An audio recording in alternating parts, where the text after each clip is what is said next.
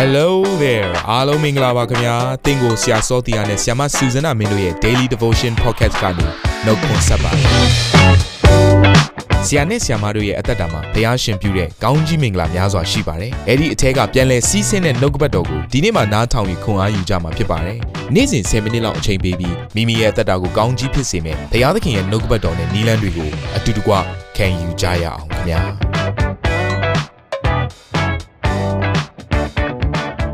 အားလုံးကိုမင်္ဂလာပါလို့နှုတ်ဆက်ပါတယ်။ကဲကျွန်တော်တို့နှုတ်ကပတ်တော်ကိုလေ့လာခဲ့တာဒီနေ့နောက်ဆုံးရက်ရောက်လာပြီ Daily Devotions လည်းဖြစ်တယ်။နော်ဒီတစ်ပတ်ဒါလုံးမှာလေ့လာခဲ့တဲ့ကဲစင်ကျင်ခဲ့တဲ့နှုတ်ကပတ်တော်ခေါင်းစဉ်ကတော့မာနကိုအောင်ပြီ။အဲ့တော့ဒီနှုတ်ကပတ်တော်တွေကိုနေ့တိုင်းခံယူတဲ့အခါမှာအသင်အသက်တာတွေမှာငါဟာမာနကိုအောင်တော်သူဖြစ်တယ်ဆိုတော့စိတ်ချလက်ချနော်ယုံကြည်ဖို့ဖြစ်တယ်။အာမင်။နှုတ်ကပတ်ကျမ်းစာကတော့ယေရှုခရစ်တော်ကိုမိမိရဲ့အသက်သခင်နဲ့ကယ်တင်ပိုင်ရှင်ဖြစ်ယုံကြည်လက်ခံတော်သူအားလုံးဟာ မာနကိုအောင်တော်သူတွေဖြစ်တယ်တဲ့နော်ဘာမှမစိုးရင်လည်းငါဟာလည်းဤလောကကိုအောင်တယ်လို့ယေရှုခရစ်တော်ကပြောခဲ့ပြီးဖြစ်တယ်လို့ထိုမာနနဲ့သူ့ရဲ့အုပ်စုကြီးဖြစ်တဲ့ဒီနတ်ဆိုးနော်တက်တွေနဲ့နတ်ဆိုးတွေမြောက်များစွာနဲ့ကျွန်တော်တို့ရင်ဆိုင်ရတဲ့နေ့တူကသွားလာတဲ့ခရီးစဉ်မှာလဲထိုနတ်ဆိုးများကိုနိုင်သောလက်နက်များကိုလည်းနှုတ်ကပတ်တော်အပြင်ကျွန်တော်တို့လေ့လာခဲ့ပြီးပြီနော်မနေ့ကဆိုရင်လည်းအတိကလက်နက်၃ခု အဲ့ဒါကတော့သိုးတငယ်ရဲ့အသွေးတော်ယေရှုခရစ်တော်ရဲ့အသွေးတော်ပေါ့ဒုတိယတစ်ခုကတော့နှုတ်ကပတ်တော်နော်နှုတ်ကပတ်တော်ဒီဟူသောဒါနံပါတ်3ချက်ကတော့ဒါ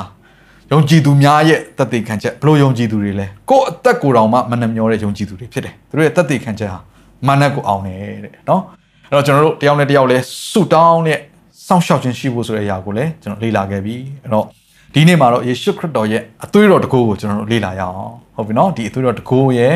နော်ထို့အသွေးတော်တကိုးကိုကျွန်တော်တို့အသက်တာတွေမှာဘလို့အသုံးချမလဲဆိုတဲ့အရာနော်အဲ့ဒီအရာကိုကျွန်တော်တို့သိပြီဆိုရင်မာနတွေကျွန်တော်တို့ကိုဘလို့မှနော်ဖျက်ဆီးလို့မရတော့ဘူးတတ်ဖြတ်လို့မရတော့ဘူးဟုတ်ပြီနော်ကျွန်တော်တို့တက်တာတွေကဘာမှခိုးယူခြင်းခိုးယူခြင်းသူခိုးယူလို့မရတော့ဘူးဒါကြောင့်ကျွန်တော်တို့ဒီနေ့သွေးတော်ရဲ့တကူကိုလေ့လာရင်လည်းနှုတ်ကပတ်တော်ကိုဆင်ခြင်ရအောင်ထွတ်မြောက်အောင်ခန်းကြီး7နှစ်အငယ်21ကနေ23ကိုဖတ်ချင်ပါတယ်ထိုအခါမောရှေသည်ဣသေလအမျိုးအသက်ကြီးသူအပေါင်းတို့ခေါ်၍ သင်တို့သည်အိမ်တော်များအသီးသီးကိုစီကိုစီသိုးတငယ်တို့ကိုယူ၍ပတ်တခါပွဲကိုတက်ကြလောဟုတုတ်ပင်ညွန့်ဇီးကိုယူ၍အင်တုံ၌ထဲ့သောအသွေးထဲမှနစ်ပြီးလင်တကားထုတ်တကားတိုင်နှစ်ဖက်တို့ကိုထိုးတုတ်ကြလောထိုနောက်မှနက်နက်တိုင်အောင်အဘယ်သူမျှမိမိအိမ်တကားပြင်သို့မထွက်မသွားရအဲ့တော့ဒီဟာလေးကပတ်တခါပွဲနော်လောက်ခဲ့တဲ့ပထမအဦးဆုံးသောပတ်တခါပွဲလေးကိုဖော်ပြနေတာဖြစ်တယ် စဖတ်ခြင်းနဲ့အကြောင်းမူကားထာဝရဘုရားသည်အေဂုတုလူတို့ကိုဒဏ်ခတ်ခြင်းကထုတ်ချင်းခတ်သွားတော်မူမည်တကားထုံးနှင့်တကားတိုင်နှစ်ဖက်၌ရှိသောအသွေးကိုမြင်သောအခါထာဝရဘုရားသည်တကားကိုလွန်သွားတော်မူမည်ဖြက်စီးသောသူသည်သင်တို့ကိုဒဏ်ခတ်ခြင်းကအိမ်ထဲသို့ဝင်ရသောအခွင့်ကိုပေးတော်မမူအဲ့တော့ဒါပထမဦးဆုံးသောဒါပတ်တခါပွဲမှာတိုးတငယ်လေးကိုတတ်ပြီးတော့တိုးတငယ်ရဲ့အသွေးကိုအင်တုံထဲမှာထည့်ပြီးရင်ဟုတုတ်ပင်ညွန့်နဲ့ခါဒီအသွေးကိုတုတ်လိမ့်ပြီးတော့เนาะတကားတိုင် နော်တကားပေါင်မှာတခါတည်းထိုးပြီးတော့နော်တုတ်ဖို့တုတ်လိမ့်မို့ရန်အတွက်သူကပြောတာဖြစ်တယ်တုတ်လိမ့်ရမဲ့သူဟာအိမ်အောင်ဦးစီးလည်းဖြစ်ရမယ်နော်အမျိုးသားဖြစ်တယ်အိမ်အောင်ဦးစီးဒါမိသားစုအိမ်အောင်မဦးဆောင်တော့သူပေါ့ဖြစ်ရမယ်စသဖြင့်ဒါတတ်မှတ်ချက်လေးရှိပြီးတော့သူကပထမဦးဆုံးလောက်ကြတာဖြစ်တယ်ဆိုတော့အဲ့ဒီအသွေးကိုမြင်တဲ့အခါမှာတေဆုံးခြင်းမရှိဘဲနဲ့နော်အသွေးကိုမြင်တဲ့အခါမှာလွန်သွားလိမ့်မယ်ဆိုတဲ့နှုတ်ကပတ်ကျမ်းစာကိုလည်းကျွန်တော်တို့သိရတယ်ကဲအဲ့တော့ယောဟန်ခန်းကြီး 129ကိုကြည့်လိုက်တဲ့ခါကျတော့နက်ဖြန်နေ၌ယေရှုကြွလာတော်မူသည်ကိုယောဟန်သည်မြင်လျင်ဤလောက၏အပြစ်ကိုစောင့်သွားသောဘုရားသခင်တိုးတငယ်ကိုကြည်လောကဲစောစောကပတ်တခါပွဲအခုယောဟန်129မှာဗရိသန်ဆရာယောဟန်ကယေရှုခရစ်တော်ကယေတချင်းခံမှုလာတဲ့အချိန်မှာမြင်တဲ့မြင်ကွင်းကိုသူကဘယ်လိုပြောလဲဆိုတော့ဤလောက၏အဖြစ်ကိုစောင့်သွားသောဘုရားသခင်တိုးတငယ်ဆိုအဲ့ဒီစကားလေးကိုသူပြောလိုက်တဲ့ခါမှာအဲ့ဒီနေရာမှာရှိတဲ့ ဂျူးလူမျိုးတွေဣသရေလလူမျိုးတွေကောင်းကောင်းသဘောပေါက်တဲ့အရာတစ်ခုကဘာလဲဆိုတော့ဒါဒီပတ်သက်ခါပွဲကိုရည်ညွှန်းတယ်ဆိုကောင်းကောင်းသဘောပေါက်ပြီးသားဖြစ်တယ်။အဲဆိုပတ်သက်ခါပွဲမှာဘာလုပ်တာလဲ။အဲ့ဒီတိုးတငယ်ရဲ့အသွေးအားဖြင့်အဲ့ဒီအိမ်သူအိမ်သားအားလုံးရဲ့အပြစ်ကိုနော်မမှတ်တော့ဘူးဆိုတဲ့အရာသူကပုံဖော်တာဟုတ်နော်ဆိုတော့အခုဒီနေရာမှာယေရှုခရစ်တော်ကကြတော့ဒီလောကရဲ့အပြစ်ကိုယူသွားမဲ့တိုးတငယ်တဲ့ဆိုတော့ယေရှုခရစ်တော်ရဲ့အသွေးတော်ဟာဒီနေ့ပတ်သက်ခါပွဲမှာတွန်းလောင်းသောအသွေးတော်ကဲ့သို့နော်တခါသူတုတ်လိန်ထားတဲ့ဒီအသွေးတုတ်လိန်ထားတဲ့အိမ်ကို တရားစီရင်မခံရတယ်လို့ပဲယေရှုခရစ်တော်ရဲ့အသွေးတကူအပြင်ထိုယေရှုခရစ်တော်ကိုလက်ခံယုံကြည်သောသူတယောက်စီတိုင်းသည်တရားစီရင်ခြင်းကိုမခံရတော့ဘူးเนาะဒီဟာလေးကိုကျွန်တော်တို့ဆက်ဆက်ပြီးတော့နားလည်ဖို့ဖြစ်တယ်ဒါကြောင့်တိုးတငယ်ရဲ့အသွေးဆိုတာယေရှုခရစ်တော်ရဲ့အသွေးတော်ကိုပြောနေခြင်းလည်းဖြစ်ပါတယ်တေကောခန်းကြီး9ငယ်9မှာသ င်တို့သည်တဆေးမဲ့ဖြစ်သည်နှင့်အညီအသက်သောမုံစိမ်းဖြစ်မိအကြောင်းဟောင်းသောတဆေးကိုတောက်တင်ပယ်ရှင်းကြလော့အကြောင်းမူကားခရစ်တော်ဒီဟူသောငါတို့ပတ္တခါတိုးတငယ်သည်ငါတို့ဖို့ရစ်ပူဇော်ရာဖြစ်၏ဒါဆိုရင် ကျွန်တော်တို့ယုံကြည်သူများနဲ့သက်ဆိုင်သောနော်အပြစ်ကနေကင်းလွတ်စေမဲ့တရားစီရင်ခြင်းကနေကင်းလွတ်စေမဲ့ကကြော်သွားမဲ့တရားစီရင်ခြင်းကြော်သွားမဲ့အရာကဘယ်အရာဖြစ်လဲဆိုရင်ယေရှုခရစ်တော်ရဲ့အသွေးတော်ဖြစ်တယ်အဲ့တော့ကျွန်တော်တို့ကိုနော်ခိုးယူမဲ့သူကျွန်တော်တို့ကိုတတ်ဖြတ်မဲ့သူကျွန်တော်တို့ကိုဖျက်ဆီးမဲ့မာနကလာတယ်ဒါပေမဲ့အဲ့ဒီအသွေးကိုမြင်တဲ့အခါမှာသူလာလို့မရတော့ ဒါဆိုအဲ့ဒီအသွေးဟာဘာအသွေးလဲယေရှုခရစ်တော်ရဲ့အသွေးဒါယေရှုခရစ်တော်ရဲ့အသွေးကကျွန်တော်ယုံကြည်သူတွေနဲ့ဘယ်လိုသက်ဆိုင်လဲလဝါကိုင်းပေါ်မှာတင်းရဲ့အပြစ်ရှိသမျှတွေယေရှုခရစ်တော်ကကိုးစားခံခဲ့တာဖြစ်တဲ့ကြောင့်မလို့ထိုယေရှုခရစ်တော်ကိုကိုယ့်ရဲ့အသက်တာထဲမှာယုံကြည်လက်ခံတော်သူနော်တနည်းအားဖြင့်ပြောရမယ်ဆိုရင် born again ပေါ့နော်ခရစ်တော်ရဲ့အထက်မှာအသက်တစ်ဖန်ပြန်လည်ပြီးတော့ဝေဖွာခြင်းရှိတော်သူပေါ့တင်းနဲ့ကျွန်တော်အပြစ်တွေယေရှုခရစ်တော်အသွေးသွန်းလောင်းတာဒါကြောင့်ထိုယေရှုခရစ်တော်ရဲ့အသွေးတော်သည် သင်အတွက်ဖြစ်တယ်ကဲဒီညမှာစိတ်ဝင်စားစရာတခုကအဲ့ဒီအသွေးတော်ကိုပတ်သက်ခါပွဲတုန်းကနော်အီဂျစ်ပြည်မှာဣသရေလလူမျိုးတွေကတုံလိမ့်သလိုကျွန်တော်တို့ရဲ့အသက်တာမှာဘယ်လိုပုံစံနဲ့အသုံးချလို့ရလဲအသုံးပြုလို့ရလဲနော်ဒါကိုသဘောပေါက်ဖို့လိုပါတယ်တွန်းလောင်းခဲ့တာတော့တွန်းလောင်းခဲ့ပြီးပြီကဲပတ်သက်ခါပွဲကိုကြည့်မယ်ဆိုရင်တိုးတငယ်လေးကိုတတ်လိုက်တယ်အသွေးကဘယ်ထဲထည့်ထားလဲအင်တုံထဲကိုထည့်ထားတာအဲ့ဒီအင်တုံထဲမှာရှိတဲ့အသွေးကတကားပေါ်မရောက်မချင်းတိုးတငယ်ရဲ့ အသွေးရဲ့ကွဲကာခြင်းသည်အဲ့အိမ်ပေါ်မှာမရောက်ဘူးအိမ်အင်တုံထဲမှာရှိတာပါလေတိုးတငယ်ရဲ့အသွေးလားဟုတ်တယ်တိုးတငယ်ရဲ့အသွေးပဲဒါပေမဲ့တကားတိုင်ပေါ်နော်အိမ်ပေါ်မှာနော်အိမ်မှာရှိတဲ့အိမ်တကားထုတ်တန်းပေါ်မှာတိုင်ပေါ်မှာမတုတ်လိမ့်မချင်းအဲ့ဒီအိမ်သည်အပြစ်လွတ်ခြင်းကိုမခံရဘူးဓမ္မသစ်ရဲ့ပတ်သက်ခါပွဲနီလန်းကရောဘာလဲဘယ်လိုတုတ်မလဲ တနည်းအားဖြင့်ပြောပြောရမယ်ဆိုရင်ယေရှုခရစ်တော်ရဲ့အသွေးတော်ကိုကျွန်တော်တို့ရဲ့အသက်တာထဲမှာကျွန်တော်တို့ရဲ့မိသားစုအိမ်တော်နဲ့သက်ဆိုင်တဲ့အရာတွေမှာကျွန်တော်တို့ရဲ့အသင်းတော်ကျွန်တော်တို့ရဲ့တိုင်းနိုင်ငံစသဖြင့်ပေါ့နော်ကျွန်တော်တို့နဲ့ဆိုင်တဲ့အထဲမှာဘယ်လိုပုံစံနဲ့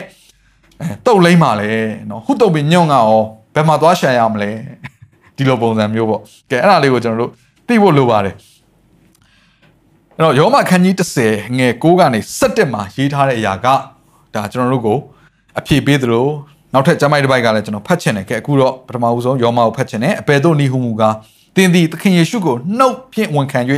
ဘုရားသခင်သည်သူ့ကိုတည်ခြင်းမှထမြောက်စေတော်မူပြီးဟုစိတ်နှလုံးထဲ၌ယုံကြည်လျင်ကယ်တင်ခြင်းသို့ရောက်လိမ့်မည်ဖြောင့်မတ်ရာသို့ရောက်ခြင်းက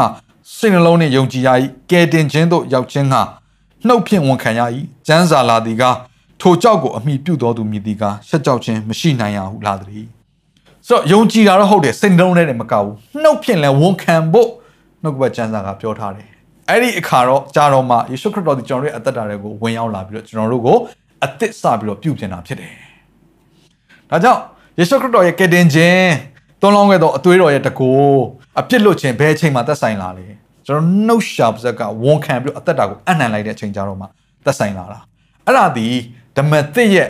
ယေရှုခရစ်တော်ရဲ့အသွေးကိုမိမိရဲ့အသက်တာမှာတုံလင်းခြင်းနည်းလမ်းဖြစ်ပါတယ်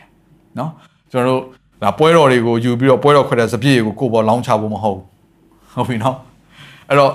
ဓမ္မသစ်ရဲ့နီလန်းအသွေးတော်တုတ်လိမ့်တဲ့နီလန်းဒီကျွန်တော်ရဲ့နှုတ်ရှာပါဇက်ကိုသုံးပြီးတော့စိတ်နှုံးတွေကလည်းယုံကြည်တယ်နှုတ်ကလည်းဝန်ခံပြီးတော့အသက်တာကိုအနှံ့နေဆိုရင်အဲ့ဒါဒီဒီနေ့ကျွန်တော်တို့ရဲ့အသက်တာထဲမှာယေရှုခရစ်တော်အသွေးတော်တုတ်လိမ့်ပြီးသားဖြစ်သွားပါတယ်လို့နော်ဆိုတော့ယောဟန်ခန်းကြီး၈ငွေ44သင်တို့သည်သင်တို့အပရီဟူသောမာနမှဆင်းသက်ကြ၏ သင်တို့အပ၏အလိုတို့လည်းလိုက်တတ်ကြ၏မာနသည်ရှေးဥစွာမှဆ၍လူအသက်ကိုတတ်တော်သူဖြစ်သူ၌တစ္ဆာတရားမရှိသောကြောင့်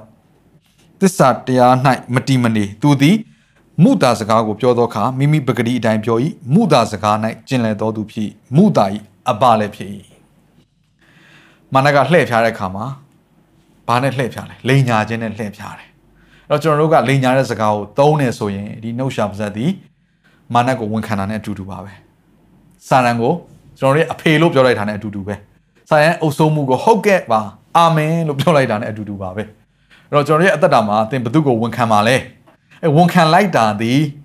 ယေရှုကိုဝန်ခံယေရှုရဲ့အသွေးတော်တကူကိုကျွန်တော်ရဲ့အသက်တာမှာတုတ်လေးနေတဲ့ကြောင့်မလို့မာနသည်ရှိတယ်စစ်မှန်တယ်နော်ပုံကိုယ်နေနဲ့သူရှိနေတယ်နတ်ဆိုးတွေအများကြီးပဲသို့တော်လည်းပဲကျွန်တော်ရဲ့အသက်တာကိုလာပြီးတော့နော်ခိုးယူခြင်းတက်ဖြတ်ခြင်းဖြတ်စည်းခြင်းဆိုတဲ့အရာကိုသူကလာလို့လို့မရတော့ဘူးနော်ဘုရားသခင်က တေခြင်းနဲ့အသက်ရှင်ခြင်းကိုအစိုးရတယ်ဖရားဖြစ်တယ်ဖရားခင်ခွင့်မပြုဘဲနဲ့ကျွန်တော်ရဲ့အသက်ဝိညာဉ်ကိုဘယ်သူမှနှုတ်ယူပိုင်ခွင့်မရှိဘူးအာမင်အဲ့တော့ဒီနေ့ကျွန်တော်တို့ရဲ့အသက်တာမှာဒီနေ့ယေရှုခရစ်တော်ရဲ့အသွေးတော်နဲ့ထိုတကိုးသက်ဆိုင်ခြင်းခံစားရဖို့ရန်အတွက်ဒီနှုတ်ရှာပါဇက်ကိုမုတာနဲ့ဆိုင်သောအရာလှည့်ပြားခြင်းနဲ့ဆိုင်သောအရာစန့်ကျင်မဲ့ပြုတဲ့ຢာတွေရန်လိုတဲ့ຢာတွေညဉ့်ညူးတဲ့အရာတွေအတွက်သုံးဖို့မဟုတ်တော့ဘဲနဲ့ဒီနှုတ်ရှာပါဇက်ကိုဘာအတွက်သုံးဖို့လဲနှုတ်ကပတ်တော်ကိုဝန်ခံဖို့ဖြစ်တယ်ဟာလေလုယာ ယေရှုခရစ်တော်ရဲ့လက်ဝါးကားတိုင်းတော်မှာကိုယ့်အတွက်ပြုတ်ခဲ့တဲ့အရာတွေကိုနေ့တိုင်းတတိယပြီးတော့သိမှတ်ပြီးတော့အသက်တာကိုစက္ကန့်အနံ့ခြင်းနဲ့အတူဒီနေ့ဘလို့အခြေအနေမှာပဲကြုံကြုံကျွန်တော်တို့ခရစ်တော်ရဲ့နော်နောက်လိုက်တွေဖြစ်တယ်ဆိုတာကိုကျွန်တော်တို့ကရဲချင်းစွာဝန်ခံရဖို့အရေးကြီးတယ်အချို့တွေကအပြင်မှာစားတော့ဆိုင်မှာယေရှုတော်ချီးမွမ်းခြင်းဆုတောင်းတာတော့ရှက်နေတဲ့လူတွေရှိတယ်ဒီနေ့နှုတ်ကပတ်ကျမ်းထဲမှာတွေ့ရတဲ့သက်သေခံတဲ့သူတွေကတော့မိမိအသက်ကိုယ်တော်မနှမျောပဲနဲ့ ဝန်ခံတဲ့အတွက်ကြောင့်မလို့တဲ့မာနကိုအောင့်တော်သူတွေဖြစ်တယ်။ကြောင့်သင်ဟာဒီတုတ်ရှာပါဇက်ကနေယေရှုကိုဝန်ခံပြီးတော့နှုတ်ကပတ်တော်ကိုကြည်ညာပြီးတော့အသွေးတော်တကောဟာကိုယ်နဲ့သက်ဆိုင်လာပြီးတော့နော်ဘုရားသခင်ရဲ့အလင်းတော်ထဲမှာနေ့ရက်တိုင်းမာနကိုအနိုင်ယူပြီးသွားတော်သူလားဒါမှမဟုတ်ရင်မာနရဲ့လွှမ်းမိုးအုပ်ချုပ်မှုအောက်မှာဝန်ခံပြီးတော့နှုတ်ရှာပါဇက်ကိုလည်းမာနအတွက်ပဲနော်သုံးတဲ့လိန်ညာတော်သူလှည့်ဖြားတော်သူမူတာစကားကိုသုံးတော်သူလားဆိုတာကိုဒီနေ့ဆင်ခြင်မှုဖြစ်တယ် ဒီနေ့ပါပဲနောင်တရပြီးတော့ဘုရားသခင်ဘက်ကိုလှည့်ပါဘုရားသခင်ကိုမိမိရဲ့နော်အုပ်ဆိုးတော်သူအဖြစ်နေရာမှာထားပြီးတော့နော်ဘုရားသခင်တို့အသက်ရှင်တော်သူတွေဖြစ်ဖို့ကျွန်တော်တိုက်တွန်းခြင်းနဲ့ခဏလောက်ဆုတောင်းရအောင်ဘုရားသခင်ကိုတော့ကိုယေရှုတင်တယ်ကိုရောဒီမာနတ်ကိုနိုင်ခဲ့ပါပြီဤလောကမှာရှိသောအခွင့်အာဏာအုပ်စိုးမှုတကူအားလုံးကိုတော့ယူခဲ့ပါပြီတို့အုပ်စိုးခြင်းအခွင့်အာဏာကိုလည်းကျွန်တော်တို့အားပေးခဲ့ပြီးပါပြီအကြောင်းဒီနေ့နှုတ်ကပတ်တော်ကိုဒီနေ့9ရက်တာ ခံယူခဲ့သောသူတယောက်စီတိုင်းသည်သူတို့ရဲ့အသက်တာမှာမာနကိုအောင်တော်သူတွေဖြစ်တယ်ဆိုတော့ကိုနားလေသဘောပေါက်ပြီးတော့သူတို့ရဲ့အသက်တာမှာနှုတ်ရှာပါဇက်ကနေကိုရောကိုသခင်အဖြစ်အစင်မြဲဝန်ခံတော်သူတွေဖြစ်ပြီးတော့နှုတ်ကပတ်တော်ကိုဆွဲကင်ပြီးတော့မိမိအသက်ကိုပင်မနှမျောသည့်တိုင်အောင်ဘလို့အချိန်တွေမှာပဲကြုံကြုံငါတို့ဟာခရစ်တော်ရဲ့နောက်ကိုလိုက်တော်သူတွေဖြစ်တယ်ဆိုတော့ကိုဝန်ခံရတော်သူတွေဖြစ်ဖို့ကိုခွန်အားပေးပါကိုတော့အတွက်တတ်တိရှိတော်သူတွေဖြစ်ဖို့ခွန်အားပေးပါတနေ့ကျရင်ဒီနေ့ဘုရားသခင်ရဲ့ရှေ့ဒီ အသက်ရှိသောသူအားလုံးရဲ့အရှိမမာနကိုအနိုင်ယူသောသူတွေအဖြစ်ယေရှုခရစ်တော်ကိုရဲရင်စွာဝန်ခံ၍တတ်တည်ထူသောယုံကြည်သူများဖြစ်ချီးမြှောက်ခံရပါမည်ကြောင်းကိုရောယေရှုပြုပါယနေ့မှလည်းချုံနှောင်ခံသောသူတွေရှိပါကယခုပဲလွတ်မြောက်စေပါကိုခန္ဓာမကြမ်းပါသောသူတွေရှိပါကယခုပဲကြမ်းပါစေပါမာနရဲ့ချုပ်ချယ်မှုတွေနှောက်ယှက်မှုတွေခိုးယူမှုတွေဩတပ်ဖြတ်မှုတွေဖျက်ဆီးမှုတွေကနေပြီးတော့လွတ်မြောက်ခြင်းရှိသောသူတွေဖြစ်ဖို့ရန်ယနေ့ပဲမိမိရဲ့အသက်တာမှာနောင်တရပြီးတော့ ကိုရောစီကိုလှည့်လာတော်သူတွေဖြစ်ပါစေလွတ်မြောက်ခြင်းသည်မိသားစုထဲမှာတက်ရောက်ပါစေကိုရောကွယ်ကာခြင်းသည်ယနေ့သူတို့ရဲ့အသက်တာထဲမှာတက်ရောက်ပါမိကြောင်းယခုပဲကောင်းကြီးပေးဆုတောင်းနေအသက်ရှင်တော်မူသောနာဇရက်မြို့သားယေရှုခရစ်တော်၏နာမကိုအမိပြုလျက်အသက်တာများကိုစက္ကန့်အနံ့ကြပါ၏အာမင်ဟာလေလုယာရောက်တိုင်းကိုဘုရားရှင်ကောင်းကြီးပေးပါစေ